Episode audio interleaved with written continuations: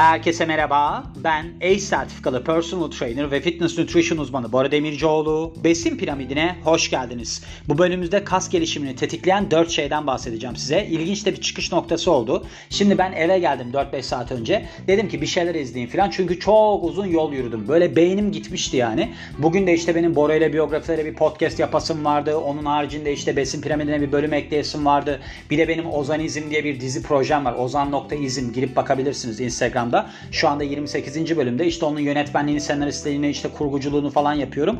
Onunla da uğraşmam lazım bugün. Yani yoğun bir gün. Neyse dedim ki Bora biraz sen dinlen bir şeyler izle. Onu izlemeye karar verdiğimde Netflix'i açtım. Netflix'te böyle karşınıza hani ilgi alanlarıyla alakalı belgeseller, filmler falan çıkıyor ya. Öyle bir belgesel çıktı. Perde arkası utanç tablosu diye bir şey.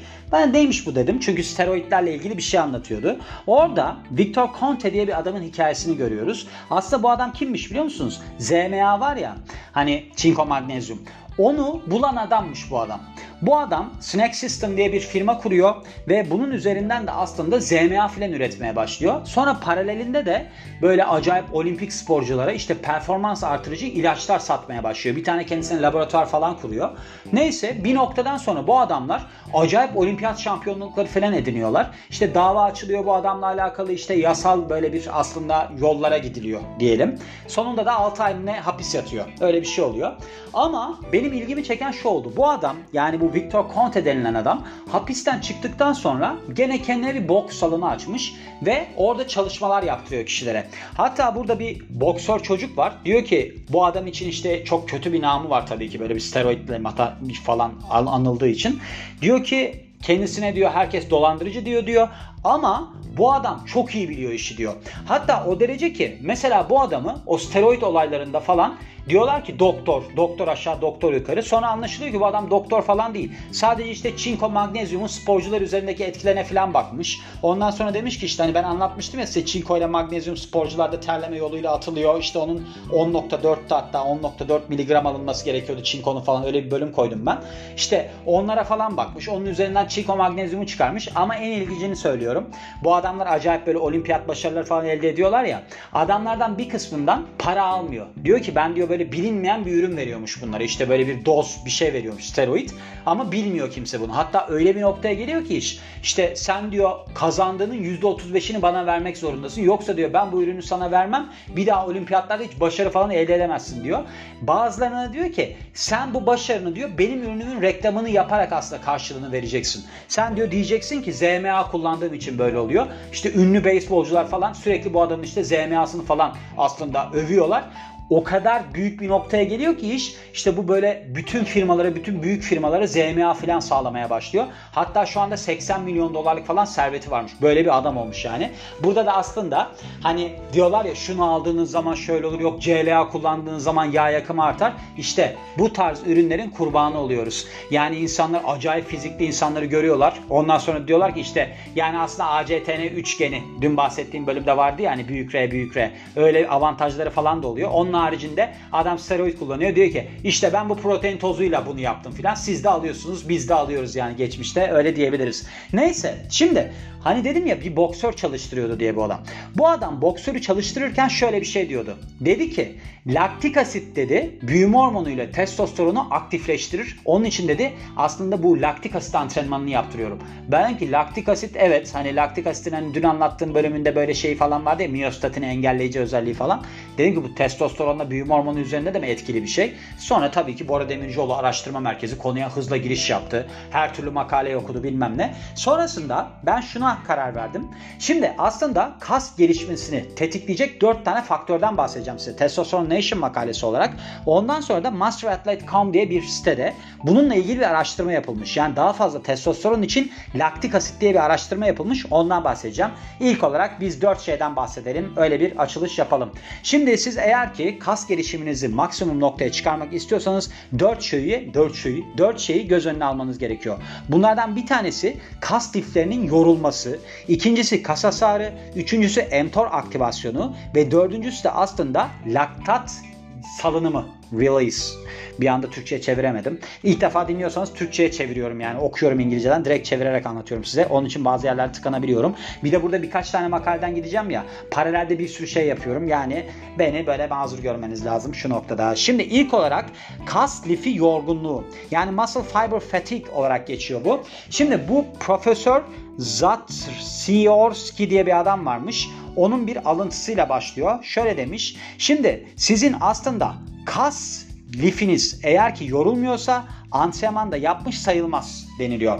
Şöyle aslında bu bir çalışmayla desteklenen bir yaklaşımmış. Cameron and Mitchell diye iki tane adamın 2012 yılında yaptığı bir çalışma var. Bu 8 hafta sürüyor ve diyor ki eğer ki diyor siz kas kazanımı elde etmek istiyorsanız isterseniz maksimum kaldırabildiğiniz kuvvetin %30'unu kullanın, isterseniz %80'ini kullanın. Eğer ki kasınızı tükenme noktasına getiriyorsanız aynı kazancı elde edersiniz. Yani şu var ben bunu geçmişte aslında test etmiştim. Bir sakatlık yaşadım ben. Yani sakatlık derken omzum çıktı. O omzu çıktıktan sonra bazı insanlarda şu gelişir. Özellikle benim gibi anksiyete sahibi bir insansanız ya tekrar çıkarsa. Bir de öyle şeyler vardır. Yer eder sürekli çıkar falan derler. Orada bir labrum yırtığı falan oluyor. Neyse ben de orada şey yapıyordum. Küçük tekrarlarla 100 tekrar hareket yapıyordum. Sonra onu ben araştırmıştım. Yani hani bir insan ne bileyim ben 10 tekrar yaptığında kası yırtılır. işte 100 tekrar yaptığında yırtılmaz mı diye. Şey sonucuna varmıştım. Orada okuduğum makalelerde. Kasınız Kasınızı eğer ki çok tekrarla da zorlarsanız yırtılabilir diyordu.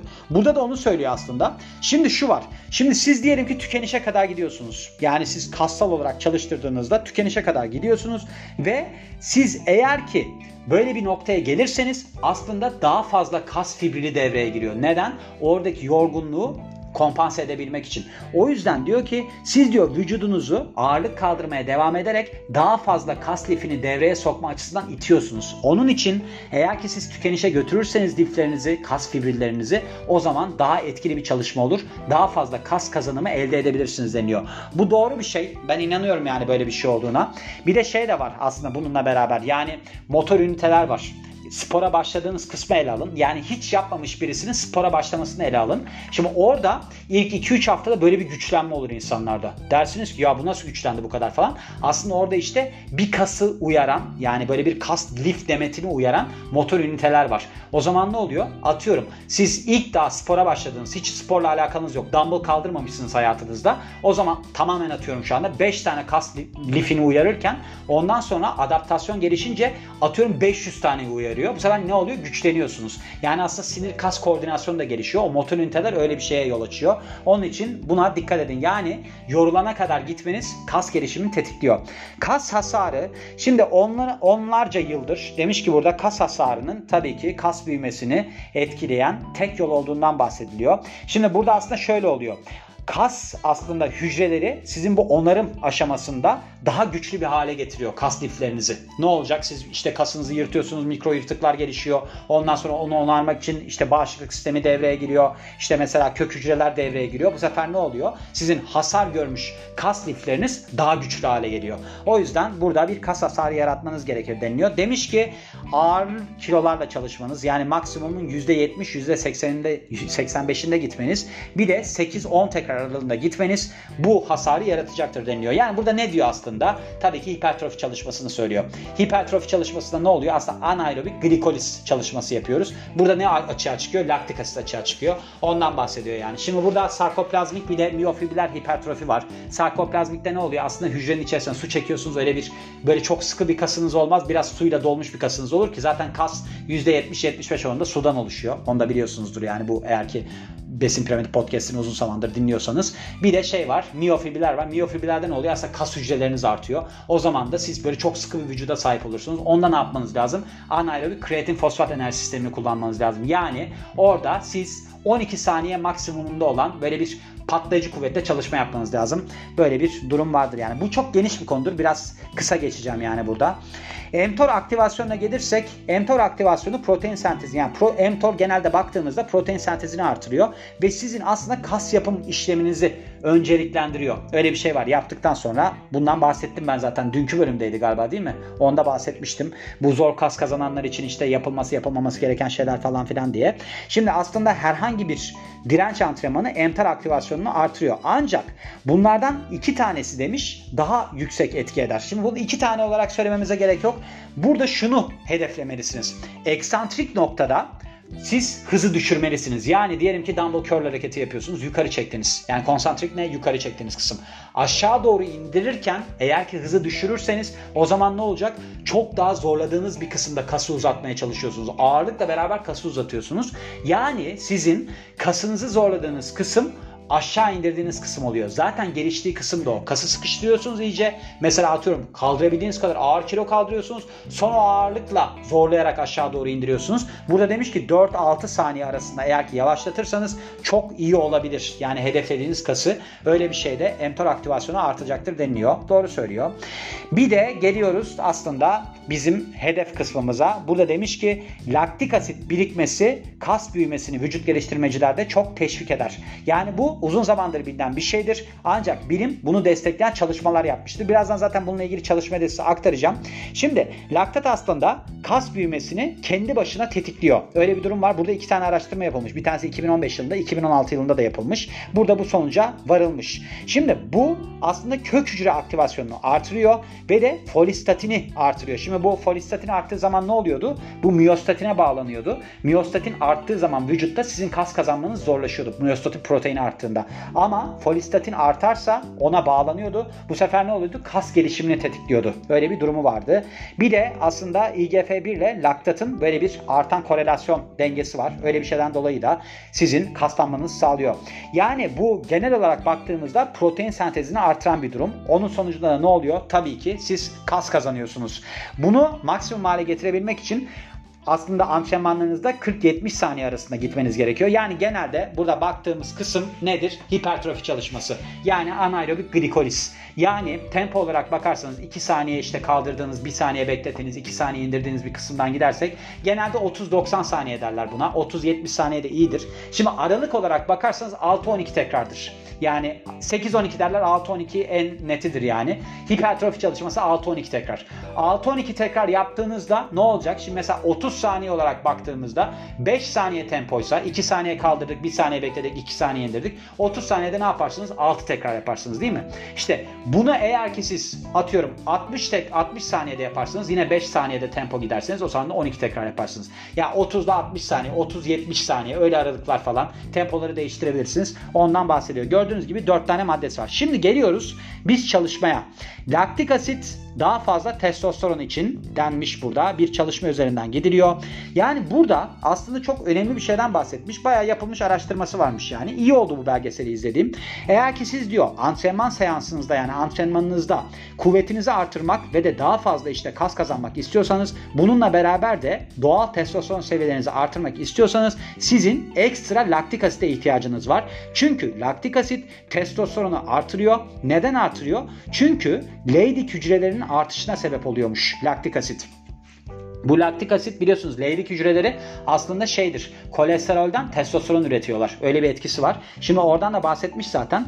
Şimdi siz diyelim ki fazla tekrarlar yaptınız, bilmem neler yaptınız ve sonucunda da laktik asit salgılattınız kaslarınızda. Laktik asit ortaya çıkması için ne yapıyoruz biz? Aslında hipertrofi çalışması yapıyoruz. Tekrar altını çizeyim. Yani anaerobik glikoliz yapıyoruz. Anaerobik glikolizin byproduct'ı ne oluyor? Yani çıkan ürün ne oluyor? Artık ürün ne oluyor? Laktik asit oluyor yani temelde baktığımızda. Ve burada da eğer ki siz laktik asit çıkarırsanız doğal olarak testosteron üretiminizi teşvik edersiniz deniliyor. Bir tane çalışma var. Yapılmış bir çalışma var. Son zamanlarda yapılmış. Burada denmiş ki laktik asit sizin testosteron üretiminizi Leydig hücrelerindeki artış vasıtasıyla artırır. Çalışma şöyle. İşte genel olarak bilinen bir şey vardır ki kuvvet çalışması sizin testosteron seviyelerinizi artırır. Ve bu sebeple aslında insanlar daha fazlasına sebep olur mu diye bakmışlar ve Leydig hücrelerinin böyle bir testosteron artışındaki aslında etkilerine bakmışlar. Şimdi şu var. Bu sizin yani leydik hücreleri kolesterolünüzü testosterona çeviriyor. Başında da bahsetmiştim. Bunu da aslında LH ve FSH hormonlarıyla sağlıyor. Yani bu LH hormon dediği luteinizing hormon diye geçiyor. Bu erkek testislerinden testosteron salınımını artıran bir hormon. FSH de aslında sperm üretimini kontrol ediyor. Öyle bir durumu var yani. Bunların vasıtasıyla işte sizin testosteron seviyelerinizi değiştiriyor. Sonuçlar ne? Şimdi şu olmuş. Mesela bilim insanları bu araştırmadaki bilim insanları demişler ki eğer ki laktik asit artarsa bu leydik hücrelerindeki bu test tüplerine konulmuş yani. Böylece ne olmuş? Testosteron üretimini arttırmış. Yani bakın laktik asit sizin leydik hücrelerinizdeki testosteron üretimini artırıyor. Böyle bir etkisi var. Ve bu da demişler ki eğer ki bu durum ikisi beraber olursa ortaya çıkıyor. Yani mesela sadece işte siz bunu tek olarak baktığınızda LH hormonunu verirseniz böyle bir test yaptığınızda etki etmiyor. Ama aynı zamanda LH ile beraber laktik asit de verirseniz o test tübün içine koyarsanız o zaman testosteron seviyelerini artırıyor deniliyor. Gördüğünüz gibi böyle bir sonuca varılmış. Güzel yani ben böyle çalışmaları seviyorum. Bu arada ben başka çalışmaya da baktım. Bu laktik asit aynı zamanda büyüme hormonu seviyelerini de artırıyormuş. O da aklınızda bulunsun. O çok karışık bir çalışmaydı. Ben bunu hani dedim sonunda eklerim falan diye. Yani kısacası laktik asit çalışması hem testosteronu hem büyüme hormonu seviyelerini artırıyormuş. Aklınızda bulunsun diye bu bölümü de eklemek istedim diyorum ve bu bölümün de sonuna geliyorum. Beni dinlediğiniz için çok teşekkür ederim. Ben Bora Demircioğlu. Yeni bölümde görüşmek üzere. Hoşçakalın.